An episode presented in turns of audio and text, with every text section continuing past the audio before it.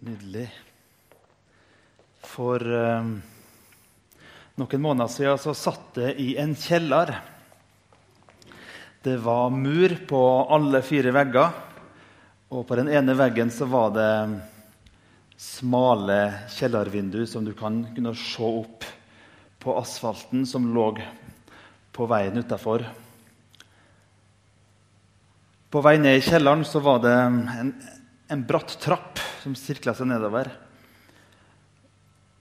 Det var mur i taket, og på gulvet var det òg mur, bortsett fra at det var et slitt rødt gulvteppe som lå der. Rommet var helt nakent, bortsett fra at det hang en ledning i taket midt i rommet, og nederst i ledningen så hang det en lyspære. Der satt det på en slitt, tynn pute innåt veggen. Jeg var i Amman, hovedstaden i Jordan i Midtøsten. Jeg var på besøk til en mann på min egen alder. Han hadde fire barn. Der hadde han bodd i noen måneder. Kona hans bodde der, og et par andre familier bodde der. Han heter for Abu Sahid. Han kunne ikke et ord engelsk, jeg, kunne ikke et ord, eller jeg kan ikke et ord arabisk. Men vi snakka sammen via en tolk. Abu Sahid han var muslim. Han kom opprinnelig fra Syria. Og Så sitter vi der i denne kjelleren i et mørkt, nedslitt, ekkelt rom som stinker mugg og andre ting som jeg ikke helt vet hvordan jeg skal beskrive. Han hadde bodd der i noen måneder, og han brukte sine siste sparepenger på å betale husleia. Og Så begynner han å fortelle om livet sitt. Vi var der fordi vi hadde med oss en gassflaske, eh, madrasser, gjennom FN, som vi delte ut til flyktninger. Jeg var der fordi vi holdt på å starte Ungdom i oppdrag på å starte et arbeid blant syriske flyktninger i Jordan. Og Så begynner han å fortelle om livet sitt. Han sier det at I Damaskus, hovedstaden i Syria, så var han en rik mann, hadde et stort hus. Han eide et supermarked som opprørssoldatene tok. Og så eide han et supermarked til som regjeringssoldatene tok. For en god stund tilbake så sendte han familien sin, kona og ungene til Jordan som flyktninger. Sjøl skulle han være igjen i Damaskus for å passe på huset og, og kanskje se etter butikken hvis han fikk muligheten til det. Han kom til Jordan ikke lenge etter at vi møtte han. Og Så begynner han å dele om livet sitt. Og så sitter jeg der, da. Egentlig i hans målestokk, i en global målestokk, en, en mann som er rik, har alt det jeg trenger. Og så sitter jeg og møter en mann i ytterst fattigdom, i ytterst nød. Sårbar. Han har mista alt han har. Og nå bruker han pengene sine, de siste sparepengene sine på å betale blodpris for et kjellerrom av mur i en nedslitt bydel i Amman. Syria verdens største flyktningkatastrofe siden andre verdenskrig. Millioner av mennesker på, på flukt. Når vi er ferdig, så kan du se desperasjonen i øynene på Abu Sahid han vet at vi er kristne, og så spør han kan vi be sammen. Vi reiser oss opp, vi står. Ehm, de som er med som tolk, de rekker hendene sine ut slik. Og jeg gjør det samme. Vi stiller oss i en ring, og så ber de på arabisk. Og når, jeg er ferdig med å be, når de er ferdig med å be, så, så ser tolken bort på meg, og jeg forstår at de, nå må jeg be. Og så tenker jeg meg sjøl at hva i alle dager skal jeg be om? Hva skal jeg be om? Så jeg ber på norsk. Det føltes litt tryggere enn å be på engelsk. Og Det eneste jeg egentlig får meg til å be om, er håp. At Gud, vår far, skal gi Abu Sahid håp. På vei opp av kjellerleiligheta så sier vi takk for nå. Og jeg vet at jeg sannsynligvis aldri kommer til å møte han igjen. Så setter vi oss inn i bilen for å kjøre til neste familie. På vei til neste familie så sier tolken det at Andreas sier han, La du merke til at han hadde giftering? Nei, sier det la jeg meg ikke merke til. Jo, du skjønner at Abu Sahid han er det ikke så gæren med. Han har det ganske bra, han. Jeg bare steila. Hvordan kan du si det? sier jeg. Jo, han hadde jo giftering. Det er noe av de siste de selger. Det er gifteringene sine. Og Etter hvert som vi møtte flere flyktninger, så forsto jeg at jo, tross alt Abu Sahid var blant de privilegerte flyktningene. Vi dro opp til grensa til Syria, i en by som egentlig har 70 000 innbyggere. Nå er det over 200 000 innbyggere. Hvis du tror at krig får frem det beste i folk, så må du tro omvendt. Krig får frem det verste i folk. Brødprisene i den byen, Mafrak, har seg, dobla seg med tre til fire ganger det siste året. Utafor Mafrak, denne lille søvnige byen, egentlig, så har Jordans tredje største by vokst fram. Det er en flyktningleir hvor et par hundre tusen mennesker bor i telt. Der kommer sjeikene fra Saudi-Arabia opp. Og Så ser de etter jenter på 14-15 år. Og så ser de etter foreldrene deres, faren deres, og så vil de kjøpe seg kone nummer tre eller to eller fire. Og så tar faren og holder rundt jenta si på 14 år, og så selger faren jenta si som kone til en voksen mann. Hva er det som får en far til å gjøre noe sånt? Jeg har sjøl en jente på 13 år hjemme. Hva er det som får en far til å gjøre noe sånt? Betyr det at han ikke er glad i jenta si? Jo, det er nettopp det han er. Han vet at tross alt det er kanskje et bedre liv enn det livet vi får her. Det er situasjonen. Og så er spørsmålet hvor er Gud hen midt i det der?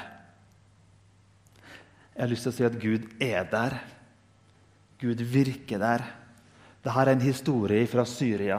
En situasjon som kanskje blir veldig overveldende for mange av oss. Så vanskelig at vi klarer ikke å forholde oss til den.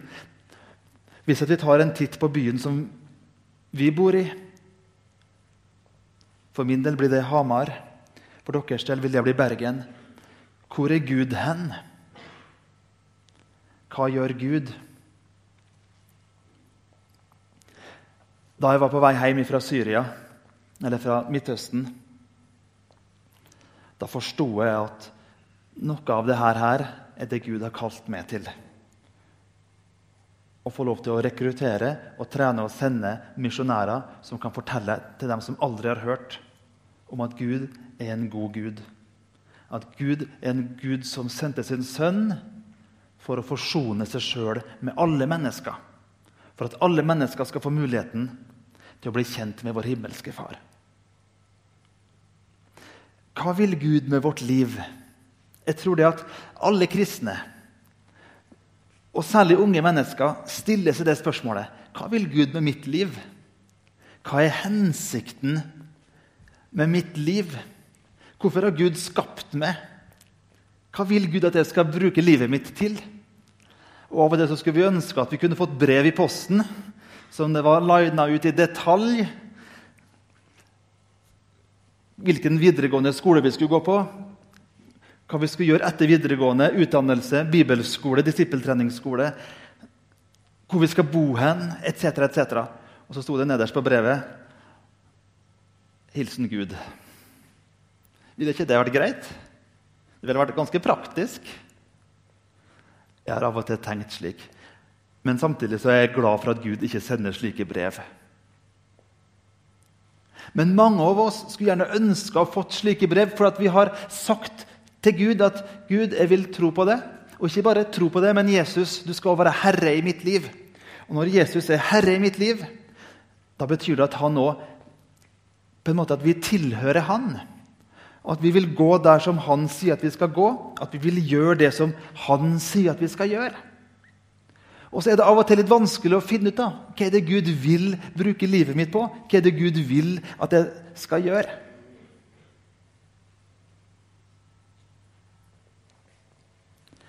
Vi har misjonsbefalingen. I Bibelen i det nye testamentet har vi fem misjonsbefalinger. Den første finner vi i Matteus 28.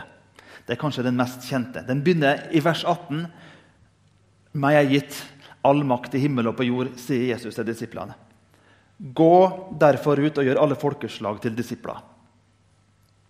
Og Jeg har vært veldig opptatt av det her ordet 'gå'. Og så har Jeg vært, jeg var i en kirke en gang hvor det sto på veggen 'gå ut'. Eh, det kunne misforstås.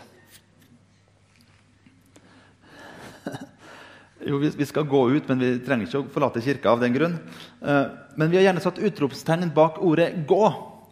Og så litt avhengig av hva vi tenker om Gud. Nå vet ikke jeg hvilket bilde dere har av Gud. Men jeg har gjerne tenkt på Gud som en mann som sitter i himmelen. Og så ser han ned på jorda, og så ser han med, lille med. Dere fra Bergen har jo god sjøltillit. Dere er født med det. Jeg kommer fra Indre Nordmøre. Vi er født med dårlig sjøltillit. Det er jo slik det er. Uh, I hvert fall føles det sånn av og til. og Så står jeg lille der, og så ser jeg opp på Gud, og så ser Gud ned på meg. Og så befaler Gud 'gå'. Gå. Og Så blir det litt sånn skremmende, denne her befalingen, misjonsbefalingen. At Gud blir nærmest som en politi eller som en en offiser eller et eller annet oppe i hierarkiet som befaler oss å gå. Og det er faktisk helt sant. På ett vis er det helt sant at ja, Gud befaler oss til å gå. Men hvordan forstår vi denne befalingen? Jo, jeg tror det handler om hvordan vi forstår Gud. Hva tenker vi om Gud? Hvordan er vårt gudsbilde? Tenk om vi kan snu litt på flisa istedenfor å tenke om misjonsbefalingen som et gå, hvor det er Gud som en sint mann som befaler sine tjenere til å gå. Tenk om vi heller kan tenke om misjonsbefalingen som La oss ta en omvei før vi går dit. La oss stille spørsmålet hvem er vi? Hvem er jeg? Bibelen bruker ulike bilder eller symbol for å forklare min relasjon til Gud. Og et av bildene Bibelen bruker for å beskrive hvem Gud er, og hvem er, det er at Gud er far og er Guds barn. Er sønn av Gud. Og når Jesus òg er Guds sønn, hvilken relasjon får jeg da til Jesus? Jo, han blir jo min bror. For han har òg Gud til far, og jeg har Gud til far. Og med andre ord er adoptert inn i Guds familie. Før så var jeg utafor, men da jeg tok Jesus i hjertet mitt, da ble jeg adoptert inn i Guds familie. Jeg har en, en venninne som er oppvokst i en, en, litt vanskelig heim. Og hun ble, ble fosterbarn. ble tatt, barnevernet kom og, og tok henne. Plasserte henne i en god, fantastisk heim. Og da hun var 17, da bodde da i mange år, da hun var 17 år, så gikk hun til barnevernet og så sa hun det at 'jeg vil bli adoptert'. Fosterforeldrene hennes visste ikke noe om det, men hun var så tydelig på barnevernet. 'Jeg vil bli adoptert'. Og, og, og så gikk tida, så gikk månedene, og til slutt så tok barnevernet kontakt med foreldrene for de trodde jo at de hadde snakka sammen om det. Men fosterforeldrene ble veldig overraska da, da, da fosterdattera hadde sagt det til barnevernet. Så ble det en lang prosess. Og så sier jenta at jo, jeg vil bli adoptert fordi at når jeg er adoptert, da har jeg alle rettigheter som datter i huset. Da er ikke jeg liksom, Når jeg er fosterbarn, da er jeg litt sånn Selv om fosterforeldre er liksom i realiteten mine foreldre, så er jeg likevel litt på utsida. Men når jeg blir adoptert, da er jeg virkelig en del av familien. Da Ikke bare en del av familien, da får jeg også juridiske rettigheter som barn. Jeg blir arving. Og slik er det. Vi er ikke Guds fosterbarn, men vi er Guds adopterte barn. Vi er arvinger og Det er jo et sånt bilde Gud bruker for å beskrive sin relasjon til oss. Vi er arvinger. Vi er tatt inn. Jeg har en svigermor som har vært min svigermor i, i ja, snart 20 år. Og fortsatt, når jeg kommer på besøk til min svigermor, så må jeg liksom Jeg går litt på tå. Og jeg har av og til åpna kjøleskapet hennes. Så ser jeg inn og så lurer jeg på var det noe godt her. Og av og til så er det noe godt i det kjøleskapet. Å, så må jeg bare lukke det. Hun er jo svigermor. Litt sånn skremmende fremdeles. Nei da, jeg overdriver litt. Derimot, når jeg er hjemme hos mine foreldre da, Jeg tar, tar, tar ikke av meg på beina engang. Jeg bare går rett inn, rett i kjøleskapet. Det er bare å grabbe til seg det som er. Hvorfor da? Hva er forskjellen? Jo, jeg er sønn i huset. Jeg har noen rettigheter. Så er det ikke sikkert at jeg kanskje tar meg litt vel til rette av og til. ok? Men jeg er sønn i huset. Og slik er vi òg i Guds familie. Vi er adoptert inn. Og det oss, gir oss noen rettigheter. Gud er vår far. Vi er en del av hans familie. La oss gå tilbake til misjonsbefalingen. Hvis vi kan ha et gudsbilde hvor vi forstår at Gud er vår far, ikke en, en, en krevende far eller en fraværende far eller en far som ikke som bryter løfter, men en god far, den perfekte far. Ingen jordiske fedre er perfekte. Tenk om vi kan forstå misjonsbefalingen som et 'kom'.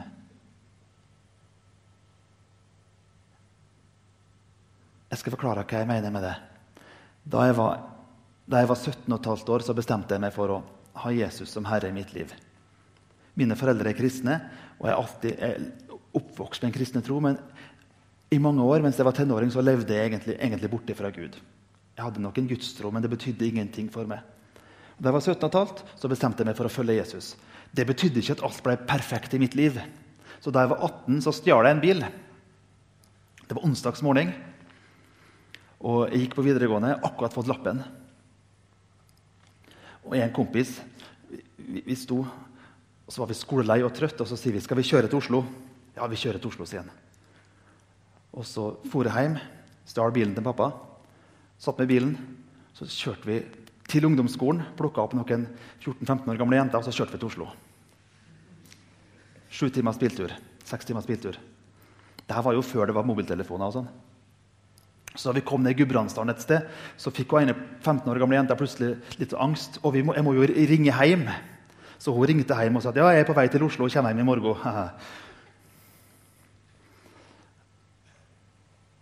Og det måtte jo gå som det gikk. Det var senhøstes.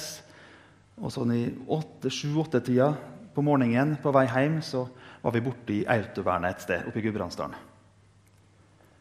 Jeg var så skamfull. Jeg var helt forferdelig skamfull. Og stedet jeg kommer fra, et sånt lite sted, så i løpet av fire-fem timer, til tross for at det ikke var Facebook og mobiltelefoner, så visste alle hva som hadde skjedd. Jeg hadde bulka bilen til pappaen min. Og det verste av alt er at vi har blitt anmeldt først for råkjøring og så for trua med anmeldelse for kidnapping.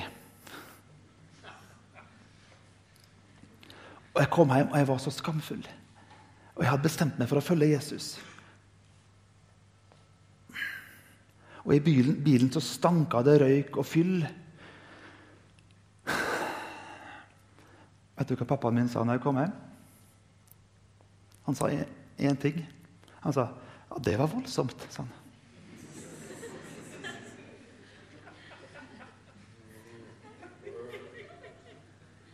Og så sa han ingenting mer. Han visste nøyaktig hva jeg følte. Han så det på meg. Og jeg fikk mumla fram et unnskyld. Dagen etterpå så hadde han vært inne i bilen og vaska ut. og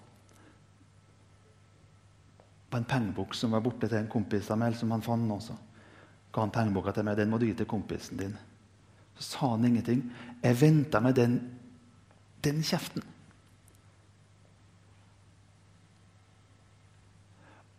Da han ga meg pengeboka til kompisen min, så sa han det at Andreas, det her snakker vi ikke noe mer om. Jeg skal sørge for at det her blir ordna opp i. Så vi er ferdig med saken her.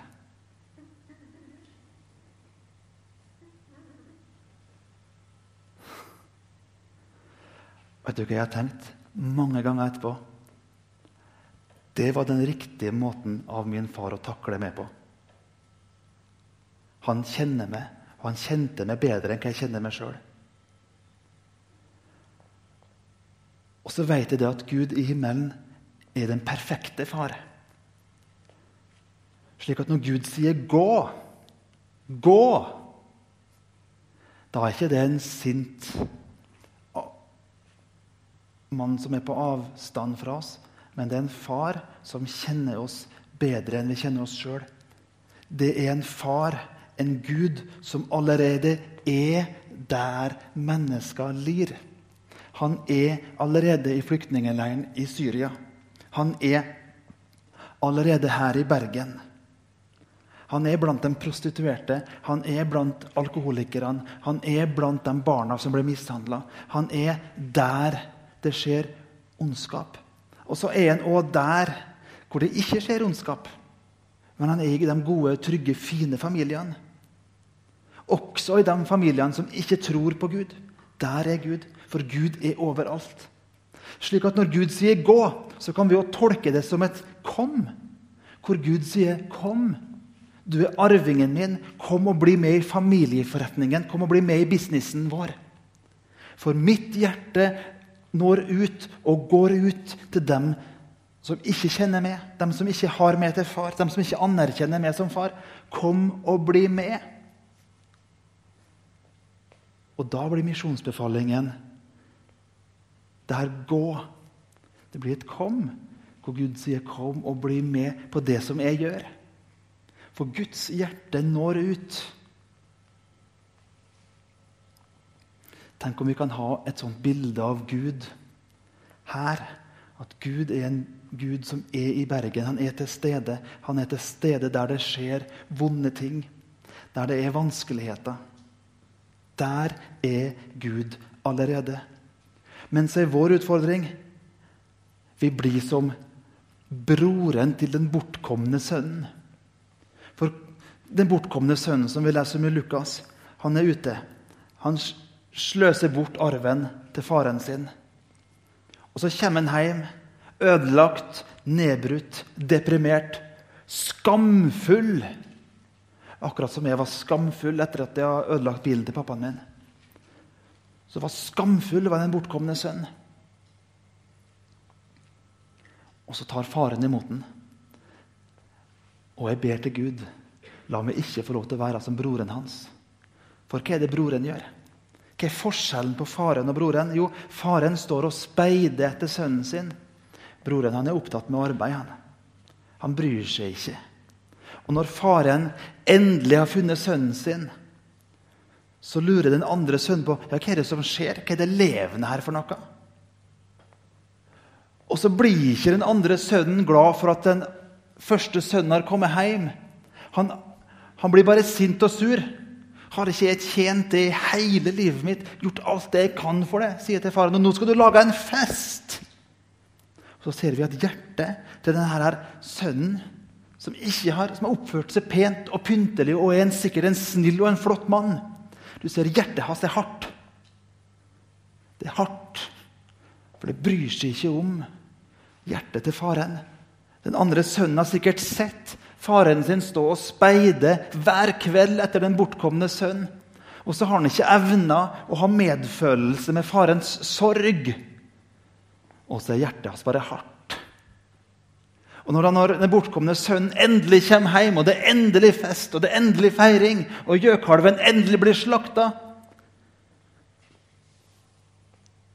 Så blir den stående på avstand og kritisere.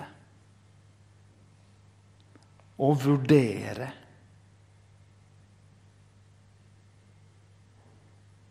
Kjære venner, la oss aldri ha en slik hjerteholdning. At vårt hjerte ikke banke for det som vår himmelske fars hjerte banker for. La det aldri bli slik.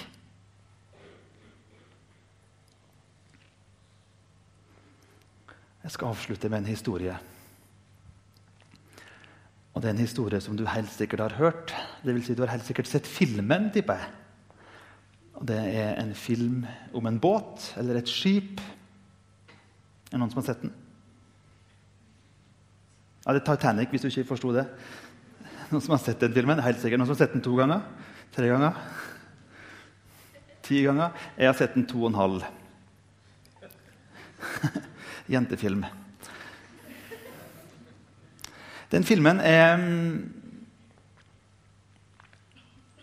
forteller bare litt av sannheten. Han, han, forteller sannheten, men han forteller ikke hele sannheten. Titanic, april for litt over 100 år siden, seilte ut fra England. Verdens flotteste skip. Verdens største cruiseskip. Det skipet som ikke engang Gud kunne synke, er på vei over Atlanterhavet. Fullstappa med folk. Noen livbåter. I livbåtene går det 70 personer. Titanic var, var, var, var konstruert slik at det var vanntette skott gjennom hele skroget. Slik at hvis det var fem skott som fikk vann i seg, så ville båten fortsatt kunne seile. Fikk seks skott vann i seg, så var det usikkert. Den natta så er det et annet, en mye mindre båt som ligger i ro oppe i ishavet. Navnet på den båten er Californian. Det er en, et cruiseskip, mye mindre, men et fantastisk, fantastisk flott båt. Den har lagt seg helt i ro, og den roper ut over radioen denne natta at det er isfjell i området. Anbefaler alle båter til å ligge i ro, oppgir posisjonen sin. Radioen på Titanic tar imot beskjeden. Kapteinen på Titanic får beskjed at det er isfjell i det området vi skal, skal seile inn i. Så tar kapteinen denne her avgjørelsen. Ikke bare skal Titanic være det flotteste og største, men det skal være det raskeste skipet til å krysse Atlanterhavet. Tross alt ikke engang Gud kan synke Titanic. Så kapteinen beordrer full gass inn i mørket. Han plasserer folk på brua. Så fortelles historien om en, en, en, en dekksgutt som står og ser på, på månen. Og så ser han hvordan månen bare gradvis forsvinner. Først så tror han at det er en sky, men akkurat for seint forstår han at det er et isfjell. Styrmannen har sett det samme, og Titanic legger seg over akkurat for seint. Slik at det som den delen av isfjellet som er under vannets overflate, skraper opp lager ei lang flerre Titanic, slik at 1, 2, 3, 4, 5, 6 skott blir fylt med vann. Det er natt, det er iskaldt, det er blikk stille. Og I løpet av noen minutter så er Titanic borte. Før Titanic er helt borte, så skytes det opp raketter. Nødraketter. Californien ligger så nært til Titanic at mannskapet om bord ser rakettene som går opp. Kapteinen hører SOS, 'Save Our Souls', fra brua på Titanic. Nødbåtene, livbåtene, begynner å bli kasta på vannet. Noen er det 11 personer, noen er det 20 personer. Så ror de bort ifra det synkende skipet og en dame, en ung dame som sitter i en av livbåtene, beskriver senere at lyden jeg hørte den natta, er den verste lyden i mitt liv. Ja, lyden av et skip som synker? Nei, skriver hun, det er lyden av mennesker som dør.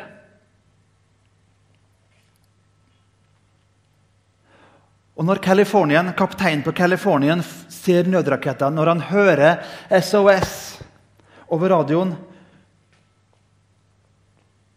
så tenker han seg om. Skal vi reise? Skal vi sette kurs mot Titanic? Og så gjør han en avgjørelse som ingen sjømann skal gjøre. Han velger å ikke berge mennesker som er i nød. Risikoen er for stor. Skipet er for fint og for dyrt. Så beordrer han skipet til å ligge rolig. Den natta døde mange mennesker. Det andre skipet som plukker opp nødsignalet fra Titanic, Det har blitt betegnet som et spøkelsesskip. Det har aldri vært sikkerhet, visshet om at det virkelig var et, an et annet skip. Det har kommet fram at sannsynligheten er at det var et norsk, en norsk fangstskute som drev ulovlig fangst der oppe. Plukka opp nødsignalet. Da de hørte det, da fortelles historien fordi at de var redd for å bli tatt. Fordi at de drev med ulovligheter, så snudde skipet 180 grader og seilte tilbake igjen. De drev med ting som ikke tålte dagens lys. De var redd for å bli avslørt, redd for å bli tatt. Og så var det et tredje skip som hørte nødsignalet. SOS. Det var en gammel rustholk. Carpathia heter det skipet. Gammel dampskute. Det fortelles at da kapteinen hørte nødsignalet, så falt han på kne. Og så ba han følgende bønn. Gud, om mulig, la meg i hvert fall få lov til å berge noen mennesker. Og så fortelles historien om at Carpathia gir full gass inn i natta. Inn i isødet. Maksfarten på Carpathia var 16-17 knop. Denne natta så seilte de 18-19 knop innover for å kunne berge noen. En gammel rustholk. Og da lyset kom, så begynte de å finne, plukke opp folk som satt i båtene. Og så så de, når de så bakover, så hadde de seilt innimellom alle isfjella. Jeg tenker at denne historien gir oss tre valg. Vi kan enten være som kapteinen på Californien, hvor vi lever våre besteborgerlige liv pent, flott, pyntelig. Og så er hjertet vårt egentlig bare kaldt og dødt. Og så vil vi ikke ta noen steg ut i det som er krevende, ut i virkeligheten. Og så lever vår lever vi i vår illusjonsverden bak veggene våre. For der føles alt så trygt og godt og pent og vakkert og pyntelig. Og så er hjertet vårt egentlig kaldt. Egentlig ser vi bare som den andre broren i historien om den bortkomne sønn. Som ikke evner å kjenne på smerten som er på farens hjerte. Som ikke har oppdaga at faren hans egentlig står og speider hver kveld etter han gutten som er borte. Og så blir risikoen for stor, usikkerheten for krevende. Og så sier vi bare at nei. Nei takk. Så er det kanskje noen av oss som er som den norske fangstskuta, som holder på med ting i ytterkanten som ikke tåler å få lys på seg. Derfor så holder vi oss bare borte. Det er det enkleste, det er det tryggeste. Og så er det noen av oss som er som Carpathia. Ok, det er litt rust. Litt her og litt der. So what? La oss bare gi full gass. Og Så kan vi be den bønna som kapteinen på Carpathia ba. Gud, om mulig kan jeg i hvert fall få lov til å få frelse noen. Så vet vi ikke hva som ligger foran oss. Så vet vi ikke nøyaktig hva Gud har kalt oss til. Men hjertet vårt ønsker å brenne for det som Gud brenner for ønsker å leve liv som ærer Gud, i små valg og i store valg. Hvor ryktet vårt Ryktet vårt Hvor ryktet vårt ikke blir det viktigste lenger. Hvor vi er mer opptatt av Guds rykte enn av vårt rykte. Vi er mer opptatt av at folk skal få møte sin himmelske pappa istedenfor at vårt rykte skal stå i fare for å bli tilsmussa. Tenk om vi kan leve slike liv. Tenk om vi kan bestemme oss for Selv om vi ikke vet hva som ligger foran, selv om vi ikke vet helt hva, Gud vil, så går vi i lydighet.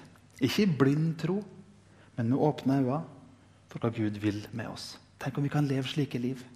I tillit til at vår himmelske Far sier 'kom og bli med på det som jeg allerede gjør'. Kom og bli med der jeg allerede er. Skal vi ta og be sammen?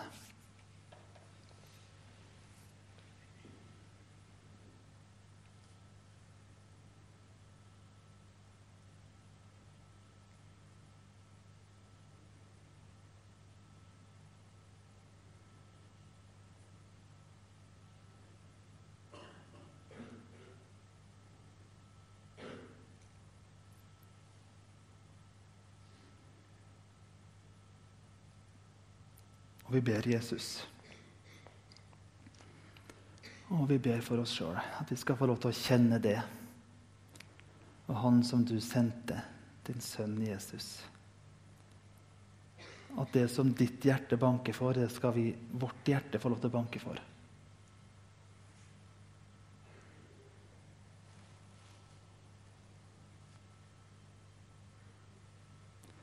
Kom, Hellige Ånd, vi ber.